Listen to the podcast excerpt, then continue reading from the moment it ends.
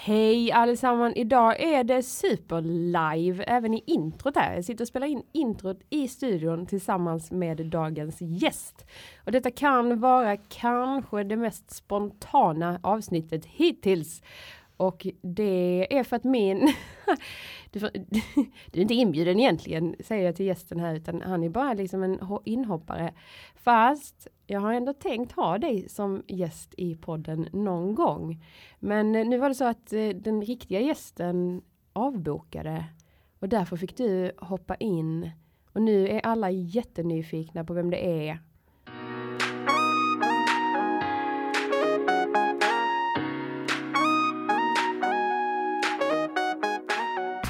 Nej, men jag tänkte på det i morse när Idde ville att jag skulle sitta bredvid henne i soffan och mata henne med en smörgås. Jag skulle behöva vara här. Att jag skulle egentligen inte, jag skulle egentligen inte åka iväg på de här resorna. Jag skulle egentligen vara här med henne för hon har, hon har ett väldigt stort behov av mig.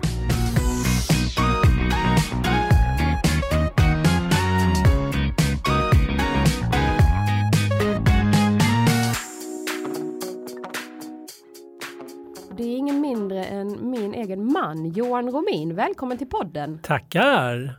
Reservgästen. ja, men... Jag... Är jag nummer ett som reserv eller nummer två eller tre?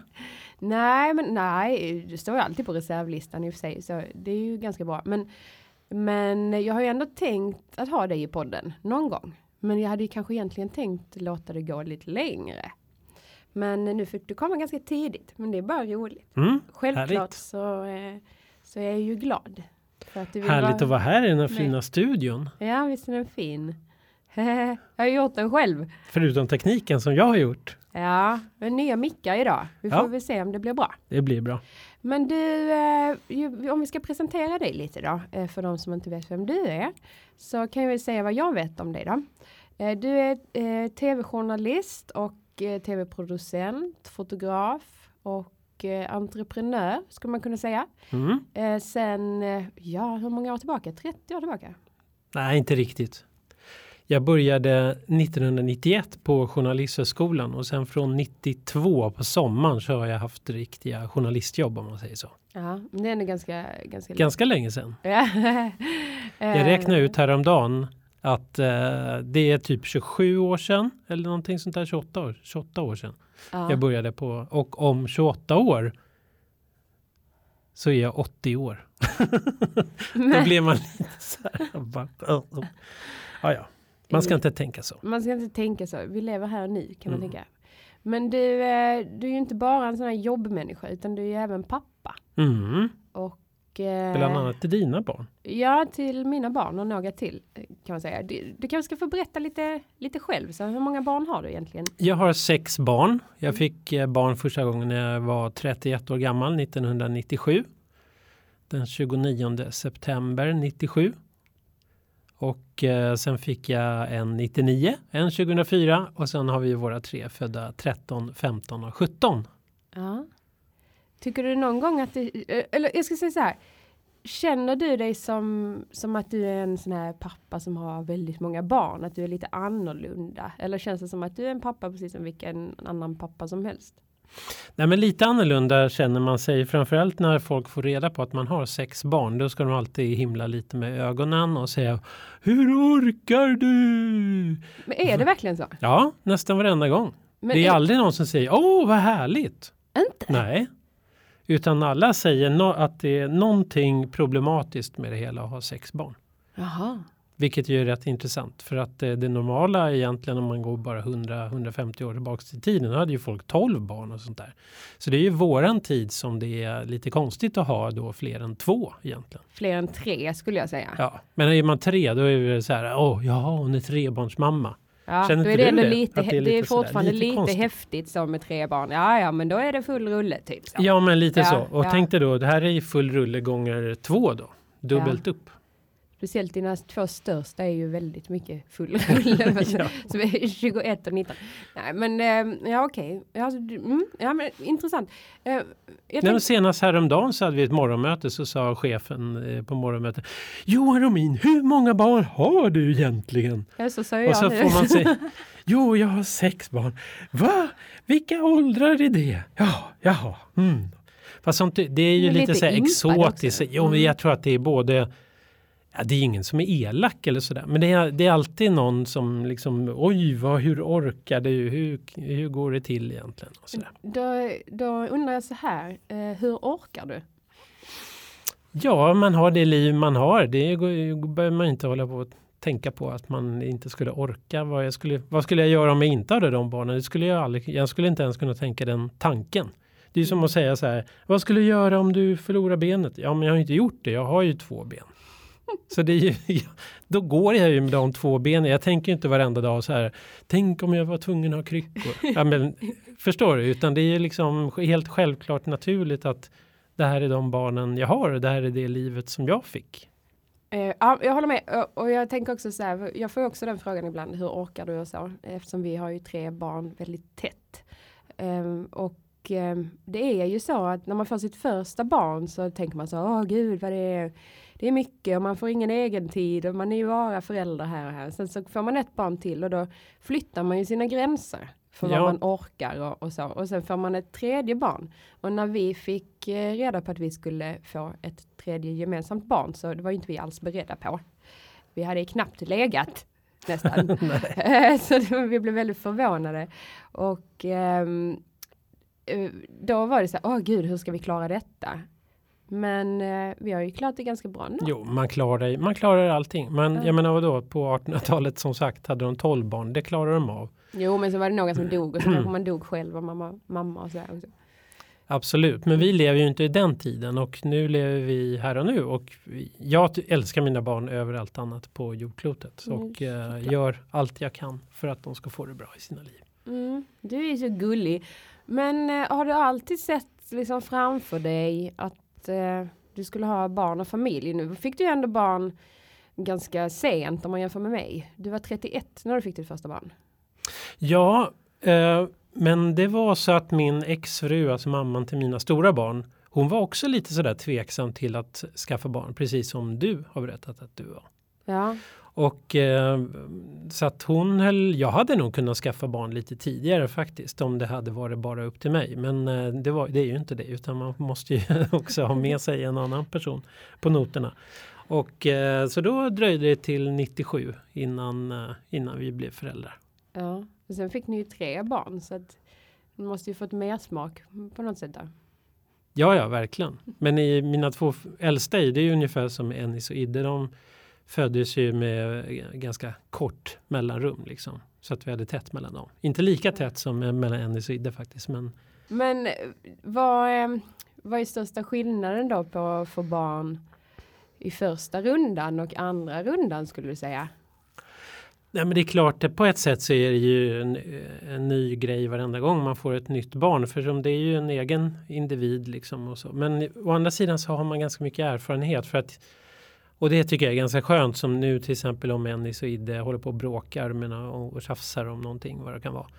Då kan jag tänka att eh, så där var det med mina två stora också. Mm. Och det gick över. Mm. Och sen när de var 10, 12, 8, 10, 11 år någonstans där så hade vi supermysigt. Just för att de var så nära. Vi kunde liksom hitta på gemensamma saker och åka på små resor eller åka skidor eller vad det var. Så, och man var på samma nivå. Mm. Så det ser jag jättemycket fram emot med Eneside och, och Bello också förstås. Mm. Att uh, kunna göra de här små projekten.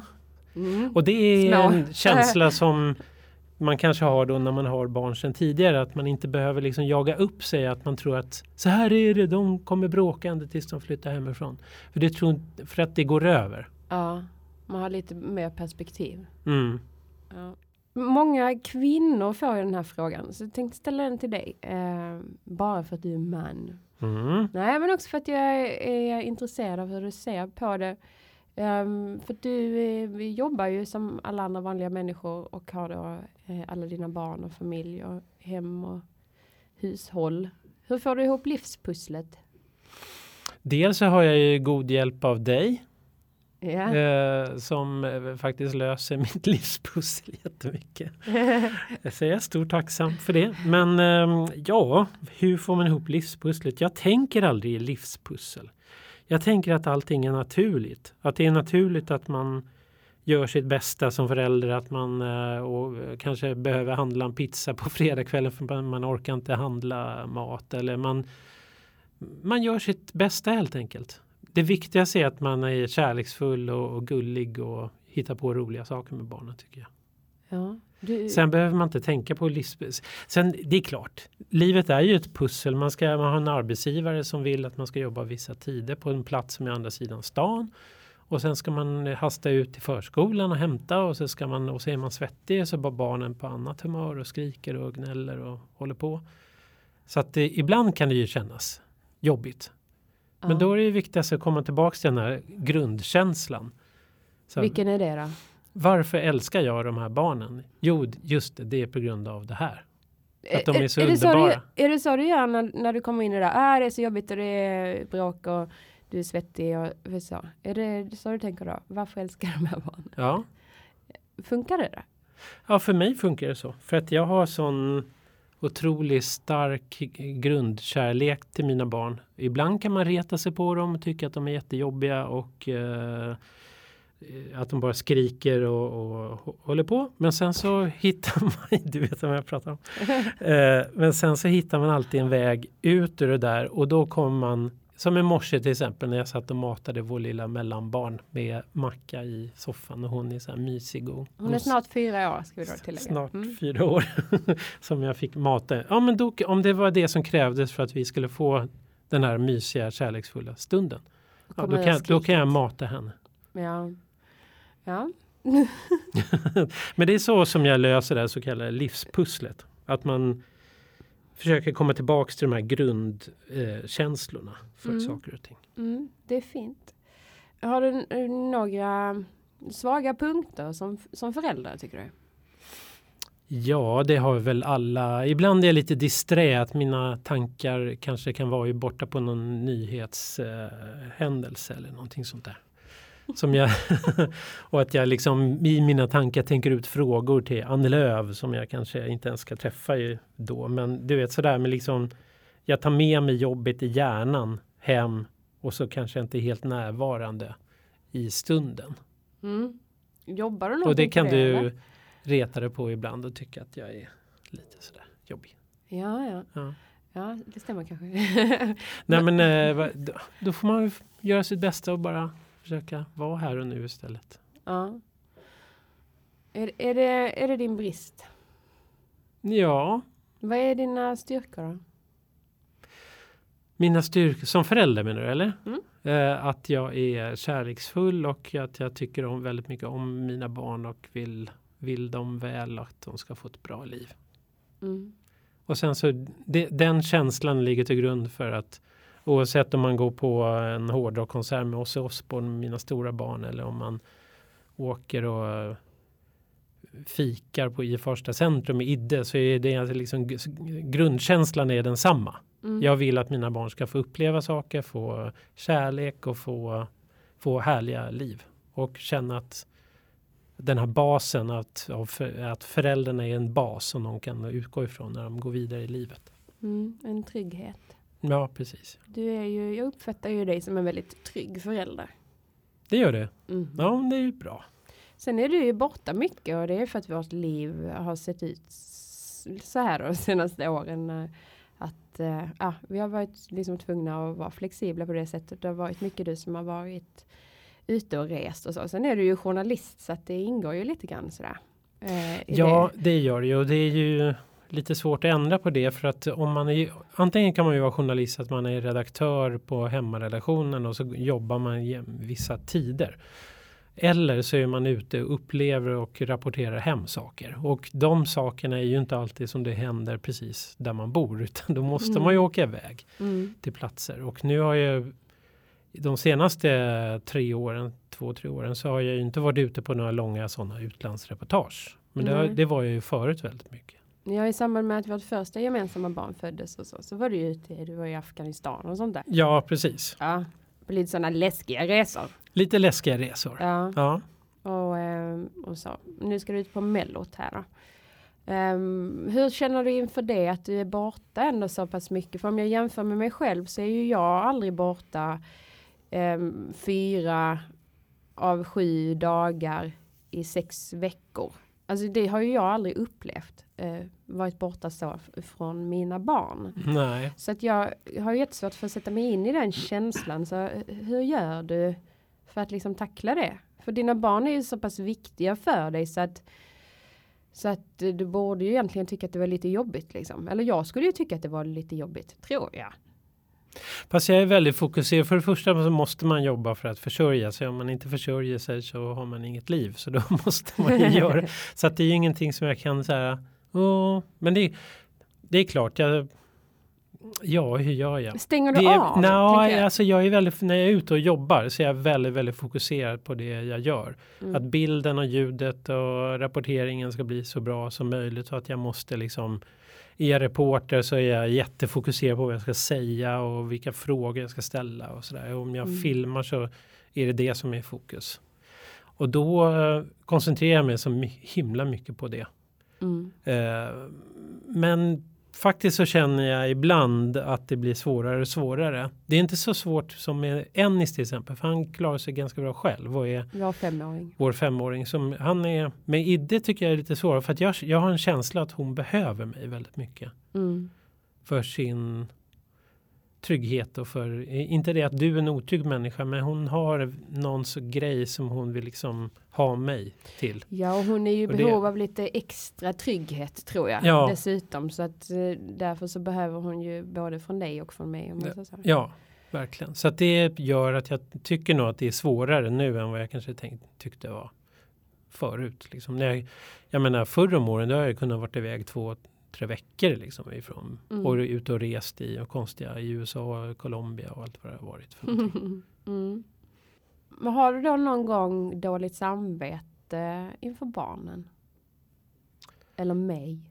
nej, inte så mycket. Skulle, borde jag svara ja på den Nej. frågan? Nej. Nej, Eh, nej, men jag tänkte på det i morse när Idde ville att jag skulle sitta bredvid henne i soffan och mata henne med en smörgås. ja. Att så här, jag skulle behöva vara här, kände jag då. Att jag skulle egentligen inte, jag skulle egentligen inte åka iväg på de här resorna. Att jag skulle egentligen vara här med henne för hon har, hon har ett väldigt stort behov av mig. ja. Och hon eh, visar alltid när jag ska iväg på morgonen på jobbet att hon är ledsen och inte tycker att det är jobbigt att jag ska åka iväg och sådär. Oftast har jag inget dåligt samvete men eh, på sistone har jag nog känt att det är lite jobbigare att åka iväg. Men jag måste ju göra det. Mm. För vi måste ju dra in de här pengarna. Mm. Och jag drar ju hellre in pengar på någonting som är kul att göra än, än att jag går och liksom känner att mitt själsliga jag blir trampat i smutsen. För det är ändå viktigt för dig att göra någonting som är liksom viktigt för dig som person, eller? Ja, när jag jobbar så tycker jag att det är, viktigt att, känna. Dels så tycker jag är härligt med utmaningar och att man lär sig saker och att man känner att det här är så svårt så att jag nästan inte förstår det. Men då är det roligt. Ja. Liksom. Och sen eh, är jag ju väldigt intresserad av att lämna ifrån mig bra bild och ljud och när jag filmar så, saker att det ska vara det bästa som någonsin har sett jordens yta. Det är min ambition. Ja, jag skulle bara vilja gå tillbaka till det här med dåligt samvete. För jag, du sa att du sällan har det. Men då kanske du tänkte på de små barnen. Hur tänker du med de stora? För det är ju ändå skilsmässobarn. Mm. Är det annorlunda där? Mm. Ibland känner jag att eh, de barnen kommer lite mer på undantag. Men det handlar också inte så kanske så mycket om att jag är ute och reser och sådär. Utan mera på att eh, de små barnen tar väldigt mycket kraft, energi och tid. Mm. Att det är svårt att veta hur mycket man ska lägga där och där så att säga. Mm, mm. För de är ju Men- så olika åldrar också. Ja, de är väldigt olika åldrar och sen så ändras ju också när Albert var lite yngre så var ju han mera inne på att man kunde åka till Legoland och sånt där. Nu är han 14, fyller 15 snart det här året så då kanske man inte han kanske inte tycker sånt där är kul. Och kanske inte vill riktigt hänga riktigt lika mycket med familjen Nej, heller. pre- Så precis, det är precis. svårt att veta lite där ju. Så att man får ju vara lyhörd för, för de behoven också. Mm. Så att säga. Mm. Men det gäller ju också att man hittar på saker och att man inte bara låter veckorna gå utan att, utan att man gör saker även med de lite större barnen. Mm. Och jag försöker göra det, men det är inte alltid så lätt att få ihop all tid som behövs för saker och ting. Nej, Hur, det är livspusslet. Ja. Men som igår var jag och Albert och tränade till exempel. Ja. Och så utmanar vi varandra i eh, de här olika maskinerna och, och på ett sätt som mm. var kul. Och då, då fick man ju den stunden tillsammans. Mm. Även om det bara var kanske en och en halv timme. Eller någonting. Ja, men det är ändå ganska lång tid. Tänk att du skulle ta en och en halv timme med vardera av småbarnen. Mm. jag skulle gärna göra det faktiskt. Jag tycker ja. det är ganska kul sådär att göra egna saker. Man tar ett av barnen och så gör man någonting som är bara på det, det mm. barnets nivå. Mm. Det är faktiskt kul att göra det. Mm. Jo, det är ju väldigt, väldigt mysigt och givande och liksom umgås på, på den nivån mm. liksom, som, som det barnet är på. Men eh, hur är känslorna kring det där med stora barnen, små barnen? Jag är nyfiken på det. Jag har ju bara mina mina med dig liksom. Jag har ju ingen kull sen innan. Nej. Är det, är det svårt tycker du, rent känslomässigt och, och så? Det svåraste känslomässigt tycker jag det är ju när de börjar bli så stora som mina två äldsta. Att de liksom inte är hemma så mycket. Man får inte umgås med dem så mycket som man skulle vilja. och sådär. Man försöker tjata. Kan ni inte komma på middag? Eller så här. Ja, men då mm. ja, jag är upptagen då. då, då, då. Är det sorgligt? Tycker ja, det är lite, lite sorgligt. Hur tacklar, alltså, om, du, hur tacklar men, du den sorgen då? Men den sorgen liksom går ihop lite med hela sorgen över att livet har ett slut och att man blir mm. gammal och hela den där grejen. Så att det, är liksom, mm. det hör ju ihop med det. Å andra sidan, de flesta som är i min ålder, som är mina generationsvänner, mm. de har ju bara barn som är 20, 22, 23 år. Mm. De, de, har, har inga småttingar. Nej, de är inga småttingar. Och de kan ju sitta på morgonmöten och, och skratta åt mig. Men jag kan ju då känna så här, mm, men jag har allting kvar. Jag ja. kommer kunna åka på roliga resor och vara härlig till med Legoland. mina barn och åka på Legoland i väldigt många år till och ja. göra sånt där som jag tycker är härligt att göra med barn. De mm. kanske i och för sig tycker att det är skönt att så här, den där tiden är över. Nu kan de, satsa, nu kan de sitta och läsa en bok. Det kan ju inte jag göra till exempel. Nej. Jag kan ju inte bara ta en bok och bara sitta i soffan och ingen stör mig. Du försöker ju ibland. Jag försöker ibland men det går inte så bra. Nej, så är det ju. Men, men eh, okej, okay, då har du liksom du får ett lite längre liv genom att få nya barn hela tiden känns det som. Ja, lite så är det. Ja, men äh, vill du ha fler barn då? Jag tror inte det. Men hur ska du då hålla dig ung? men det kan man inte. Nej, men kom, alltså, kommer men, du palla nu då? Eller hålla mig ung. Jag, håller, jag försöker hålla mig ung med träning och genom bra eh, diet. Att jo jag, men precis, jo men det är ja. mer så här fysiskt. Men den här psykiska biten som, som du, det mentala som du pratar om att, att liksom att få nya barn gör att man liksom får vara kvar i det här. Ja men jag är 35-40 mm, lite grann lite liksom, i livet, livsskeden. Ja. Jag har ju liksom inte gått vidare till att nu är barnen utflygna och nu kan man åka till Mallorca och sånt där och ha det gött med frugan. Nej, precis. Du, du är ju inte där, du kommer inte vara där på länge. Eh, på 20 år. Nej, precis. så, så att, eh, och, och, eh, vi är ju lite beroende av att skaffa barn på något vis. För att det är mycket av din och min identitet tror jag. Eller det har blivit det. Och vi tycker väldigt mycket, vi, liksom, vi kan inte riktigt låta bli på något vis. Så. Men tror du att vi kommer få fler barn? Alltså jag vet inte. För att jag trodde nog efter Bello som var ett bonusbarn egentligen ju. Vi, vi trodde ju att vi skulle få Ennis och Idde då, då och sen att vi kanske skulle få ett barn till lite längre fram.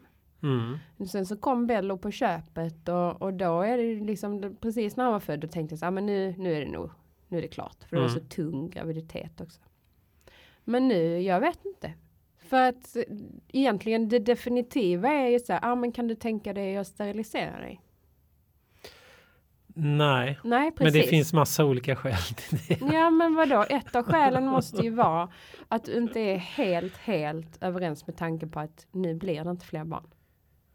Nej, men äh, det finns massa olika skäl till det. Vad är men... de olika skälen då? Kan du gå in på det? Eh. Okej, okay, därför ska inte jag sterilisera mig. Dels så har jag hört hur steriliseringar går till rent så här och det är bara, mm, kan jag tänka mig det där? Nej, det kan jag inte tänka mig. Nej, jag, för det första så här, man utsätter för sig för en helt onödig operation som är varför ska jag operera mig för någonting som är helt naturligt? Det är inte någon sjukdom, Nej. utan det är eller att man säger nu ska jag ta bort cancer.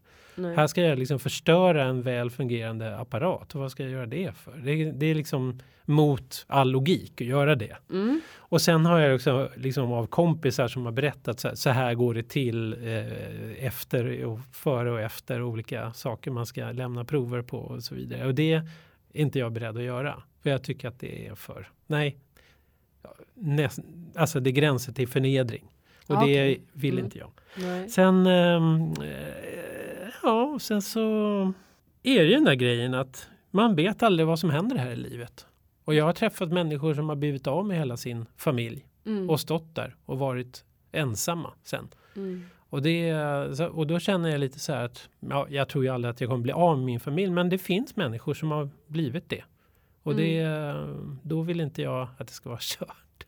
Nej. Nu fick du ett ärligt svar. Ja, men det, det vill jag ju ha. Så Mm. att det, mm. Men du tror inte att du och jag i detta läget kommer att, skaffa fler barn ifall ingen försvinner eller något sånt där? Kanske. Jag har inte slagit igen dörren helt och hållet. Men jag tror inte riktigt det. För när jag tittar på Bello till exempel. Vår Så ser- yngsta. Vår yngsta. Så ser jag att han skulle behöva mer av vår tid. Att vi Mm. faktiskt kunde ägna oss lite åt, åt honom. Och vara på den nivån. Han är ju inte ens två år. Nej. Och nu blir det väldigt mycket att han får försöka vara lite på hennes iddenivån. Eller att han bara blir en eftersläntrare Precis, tiden. han blir en liksom. liten eftersläntrare som och det, jag skulle känna att om vi skulle skaffa ytterligare ett barn då skulle han bli helt och hållet en sån här mi- mittenbarn Mm. som ingen har tid och ingen bryr sig om. Liksom. Lite så. Jo men Mm. och jag är ju själv en sån. Ja. Ja, och då eh, som var där i, i mitten och Vad som hela tiden har- Nej men det blev ju bra med mig. Ja. Jag menar jag kan inte klaga på min barndom. Mina föräldrar var jättehärliga på alla sätt och vis. Men Mm. Mm. man som tredje barn där man också har en efter sig Mm. så blir man liksom en, man får en känsla i magen att man inte riktigt är den som man räknar med på något Nej. sätt. Man är inte den där äldsta som gör fantastiska saker eller yngsta som är den gulligaste. Nej, och tvåan blir ofta den som gaddar ihop sig med ettan ifall de är någorlunda nära i ålder. Ja men precis. För då har man liksom haft tiden att... Precis. att ja, För när jag var i, i tonåren då hade jag alltid en känsla av att det var ingen som satsade på mig, ingen som trodde på mig, ingen som eh, förväntade sig någonting särskilt eller så här, utan det fick jag skapa själv. Nu var Alltså- du ju en sån person också som var ganska företagsam. Jo, det var ju absolut. Och det är inte hela sanningen heller. Min mamma satsade väldigt mycket på mig känner jag. Att med Mm. till exempel jag fick åka iväg och vara utbytesstudent i USA och sånt där när jag Mm. var Men det 16, kanske mer en 17 år. känsla i syskonskaran. Ja, lite sådär. Precis, Man, precis. Så det, är, ing- det är ingen människa som man kan li- liksom Klandra för. klandra för, det- för det hela. Men det är en känsla som fanns i magen. Och jag Mm. tror att det har lite med att göra var i syskonskaran man är. Liksom. mm, mm. Ja men det, det där är intressant för man vill ju verkligen hinna med att ta hand om sina barn. Mm. Det är ju väldigt viktigt. Ja, men det är det verkligen. Mm, mm. Om man tänker så här, du som person då. ehm, nu har du ju du haft barn i 21 år. Snart Mm. 22 år. Mm. Du som person idag och innan du fick barn. Kan du se någon tydlig skillnad på dig?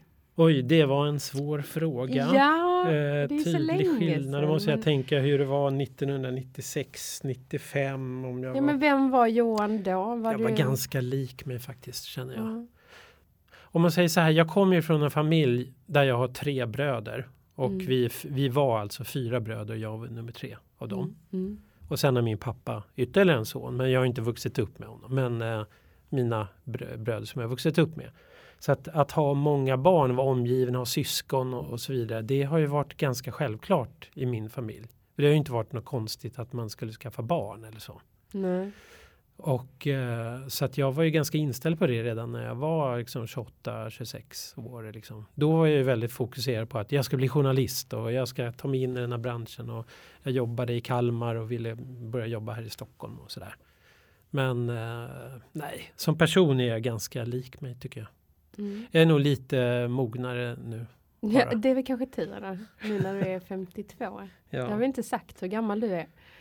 Nej. Och, eh, och, och, eh, att det är ju rätt stor åldersskillnad på dig och mig också. Men det vet nog alla som har följt oss. Ja, men det är kanske inte alla som har följt oss som lyssnar på det här avsnittet. Ja, det är ju klart förstås. Mm. Så det är 22 års skillnad mellan dig och mig. Mm. Mm. Hur Så känns när... det? Nej, jag bara skojar. Så du var nio år när jag fick mitt första barn? Ja, ja. just det. Det är bara nio års Tanken skillnad mellan mig och Love. Ja, det är lite konstigt. Ja, det är det. Men uh, nu, jag vet inte. Jag, jag, tänkte på det när vi hade träffats precis. Ja. Att det var lite så här här går jag med en 23-åring. Typ så. Ja, Men eh, sen så gick det något, några månader sen glömde man bort det. Så idag tänker jag aldrig på det. Nej, inte jag heller. Och eh, det var inte så att du var på jakt efter en 23-åring väl, eller? Nej, det var det inte. men jag hade väl inget emot att du var det i och för sig. Men... Nej. det här är ett annat poddavsnitt. Men det, Eh, tänker på det här med identitet. Jag pratar ju så himla mycket om identitet hemma nu. Harvar och, och gnäller och, och stökar med vem man är och så. Mm. Eh, om du ser på dig själv, hur mycket av du är liksom, eller hur stor del av dig är föräldern Johan, liksom pappa Johan? Är det allt? Eller vad är liksom Fattar du frågan? Ja, verkligen. Mm. Det är svårt att sätta det. Jag skulle säga att det nästan finns en sån dimension i nästan allt faktiskt. Vadå i nästan allt? Nej men eh, jag går alltid och tänker på saker som här skulle man göra något kul med barnen eller här ska man, alltså jag barnen är, även om jag inte är fysiskt med barnen så är barnen alltid i, i, i mig eller uh. i mitt hjärta eller i mitt sinne. Alltid med mig på något sätt. Uh. Och eh, Eh, så att det är en väldigt, väldigt stor del av min personlighet. Sen så har ju jag ett jobb där jag ibland måste, som vi pratade om förut, att eh, jag måste koncentrera mig i stunden på att jag ska göra en 1.30 till rapport på kvällen eller att jag ska filma bra till Aftonbladet. Mm. Så det, och då kan jag inte tänka på om vi har blöjor hemma. Då kan jag koppla bort det. Men där har jag ju så fantastisk fru till mina små barn. Som kan tänka på det? Ja. Med blöjorna? Ja, nej men jag har ju båda, båda ni två som är mammor till mina barn är ju fantastiska personer. Ja. Som, som mammor. Fast ni är ju väldigt olika men ni är ju bra också.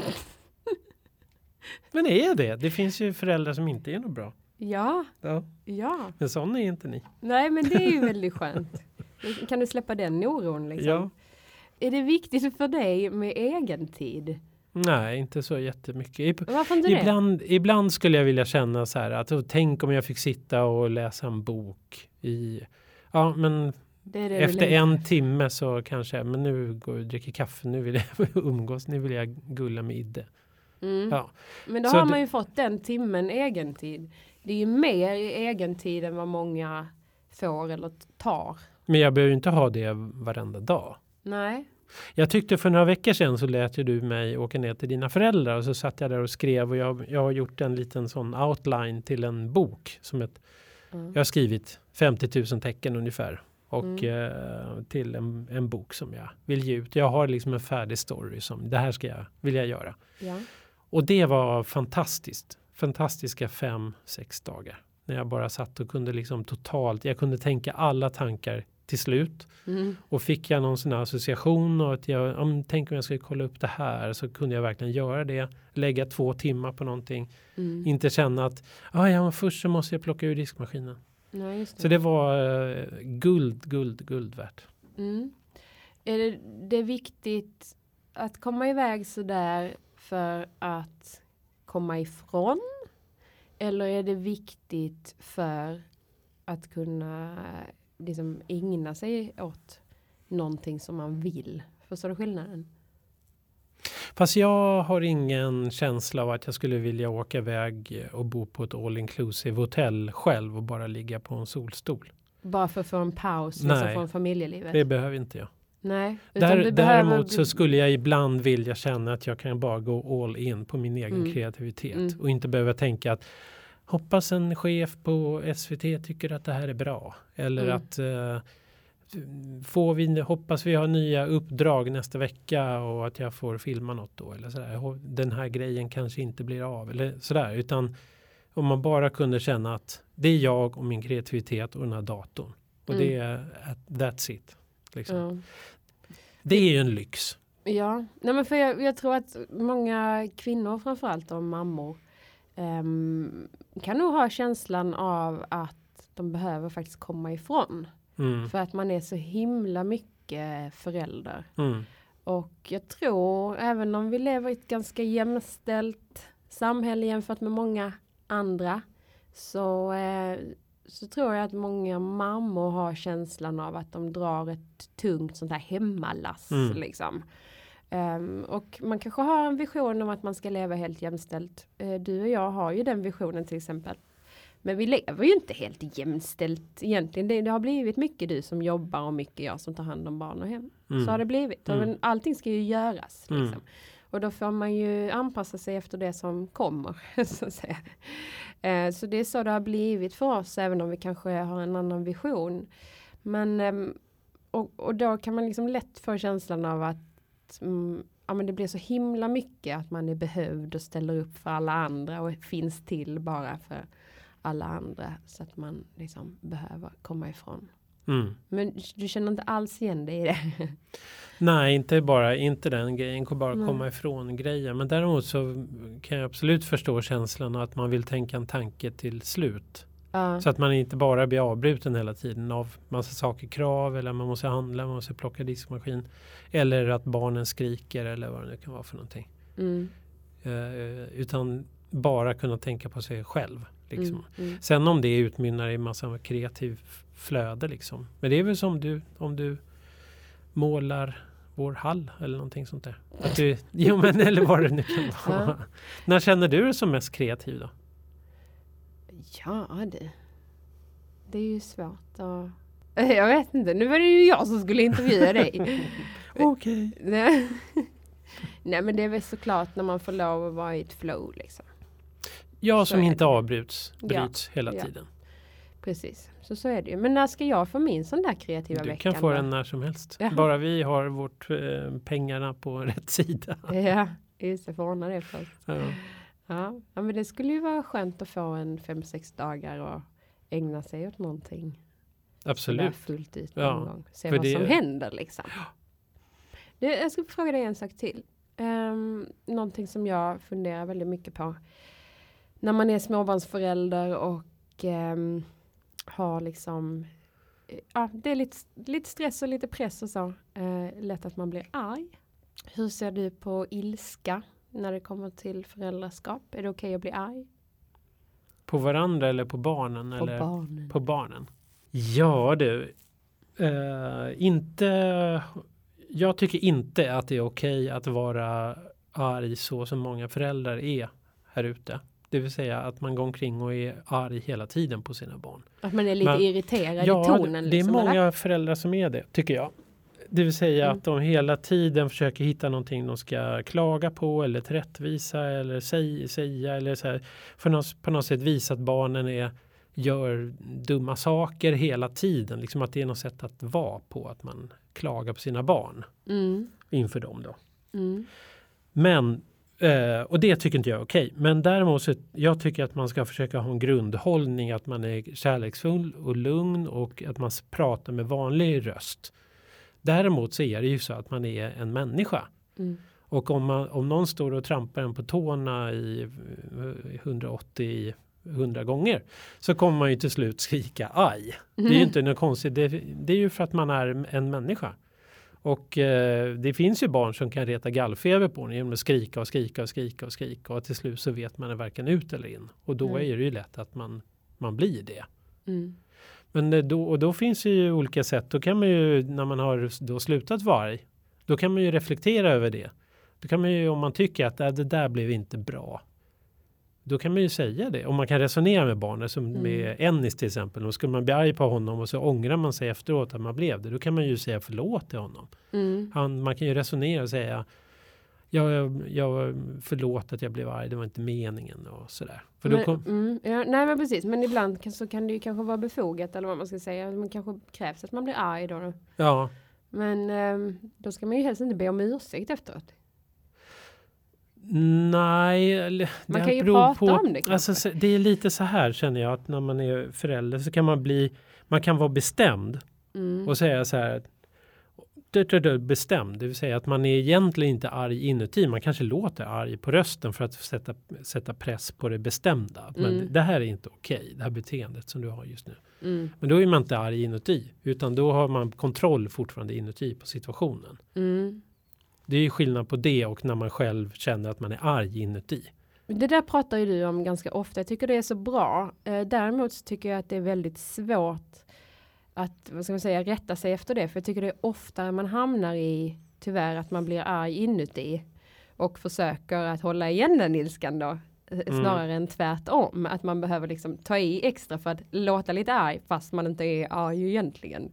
Så jag hamnar Fast jag tycker mycket, att du är bra mycket, på det. Alltså, alltså ja, när jag hör tack. hur du tar hand om barnen så är du ofta Alltså att, att man säger, Nej men alltså liksom. vi har ju speciellt vår lilla mellanunge. Hon ja. är väldigt krävande barn och det är inte något jätte, ja så är det. Hon blev en sån person. Ja. Och då måste man ju hantera det och då kan man ju hålla på så fort hon håller på med sitt det här. Så kan man ju hålla på att bli arg. Ja men mm. då hjälper inte det. Nej. Utan det kanske är så att det triggar det här dåliga beteendet istället. Mm. Att då får hon i alla fall en reaktion. Det kanske är bättre att bara vara ingenting. Ja. ja. Jo men där har vi ju provat allt möjligt och det, där kan jag väl också känna liksom att i det dagliga så är det hanterbart. Eh, för man har också lärt sig att inte gå igång. Liksom att bli arg inombords. Mm. Men, men jag tycker ändå att det, men det är ändå lättare att man hamnar där. Att man är liksom arg inombords och måste måste försöka att behärska sig. Mm. Tvärtom. Mm. Men det, ja, allting är ju liksom att man måste Men alltså öva jag, sig lite. Jag är ju ingen Jesus Kristus person sådär som all, eller för, alltså Nej. egentligen är det dumt att säga så eftersom Jesus var väldigt, väldigt arg ofta. men skit i Jesus då, Jo, men... men... jag är ju ingen sån eh, alltså aum eh, människa. Nej. Utan jag kan ju, jag kan ju bli arg. Ja. Men ofta är jag inte arg inuti så att jag känner att jag inte behärskar situationen. Nej, att du ändå har kontroll. Men liksom. skulle det hända och man känner att det där var inte riktigt bra, ja men då får man väl prata om det, säga förlåt mm. eller någonting. Och det, det kan du göra, det finns ingen stolthet som står i vägen eller så? Nej, det gör det inte. Alltså, sen kanske det tar en dag eller två innan man inser att det där blev nog inte så där jättebra. Nej. Du, vad är det bästa med att vara pappa? Att man får så himla mycket kärlek och man får ge kärlek till eh, de här gulliga barnen som man har skaffat. Mm. Och man drömmer om hur deras liv ska bli och att de får ha det bra och att de får utvecklas och bli bra personer. Mm. Det tycker jag är det bästa. och sen får man ju man får ju... Jag njuter väldigt mycket av mina barn i varje ålder som de är. Jag menar som min äldsta son, vi håller på att smsa varandra om hur det går i politiken och vem som har förhandlat med vem och vad de har kommit överens om och sådär. Mm. Och vilken politiker vi tycker är dum i huvudet. och, och, sen så med lilla Bello så är det ju väldigt mycket att ta upp honom och krama honom och skoja om kan han säga det här, kan han säga det där. Då liksom, då är man ju, det är ju två olika nivåer. Verkligen. ja. Och jag njuter av båda niv de nivåerna. Jag tycker det är superhärligt. För jag tror inte man kan få den här nivån som jag har med Leo. Mm. Om man inte har haft den nivån som man har med Bello. Förstår du? Det hör ihop liksom. Ja, det är en relation som utvecklas. Mm. Vad är det jobbigaste med att vara förälder? Det är när man inte vet ut eller in hur man ska hantera och agera. För det, det finns ju vissa barn, det, det handlar ju om personlighet också. Mm. Som man kanske har svårt att förstå sig på eller att man inte riktigt vet hur jag, hur jag än gör blir det fel. Mm. Så, en sån känsla kan man ju få ibland. Mm. Och det tycker jag det är nog det svåraste. Mm. Det här med sömn då? jag vet inte. Vadå, jag sover alltid så bra. ja. Men du, eh, tack för att du gästade podden. Tackar! Eh, hur känns det? Det känns jätteroligt att få prata om sig själv ett tag. Eller hur? Nu var det väldigt mycket föräldraskapsfrågor men det är ju inte så konstigt eftersom det är en sån podd.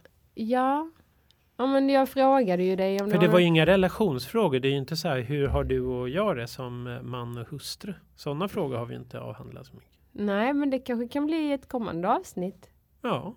Man vet ju aldrig när du får hoppa in igen. Nej. det kanske blir redan nästa vecka. Det är ingen som vet. Nej. Eh, jag ska säga så här då. Tack så mycket Johan Romin. Tack. Och eh, om man vill lyssna på gamla avsnitt så går man ju in på sin podcast-app och letar upp det såklart. Men man kan ju också gå in på hemsidan eh, intebaramamma.com och hitta allting där. Och ni får jättegärna gå in på vår Facebook-sida. Inte bara mamma är bara att söka på det. Så kan man diskutera avsnitten. Nu har vi också ett Instagramkonto för podden, ett helt eget, inte bara mitt Nyponstina-konto. Utan nu finns det inte bara mamma podcast med sådana här understreck mellan alla orden. Där kan man gå in och följa. Och eh, vill man skriva någon fråga till oss eller önska gäst eller vad som helst så gör man det till intebaramamma.podcast gmail.com Du tror jag fick med allt. Ja. Ja. Uh, ja. Tack för att ni lyssnade och sen ses vi, eller hörs, gör vi ju. Ja, du och jag ses ju nu. Nu ska vi köra och hämta barn. Ja, det ska vi göra. Men uh, vi, uh, ni som lyssnar, vi hörs nästa tisdag. Hej då! Hej då!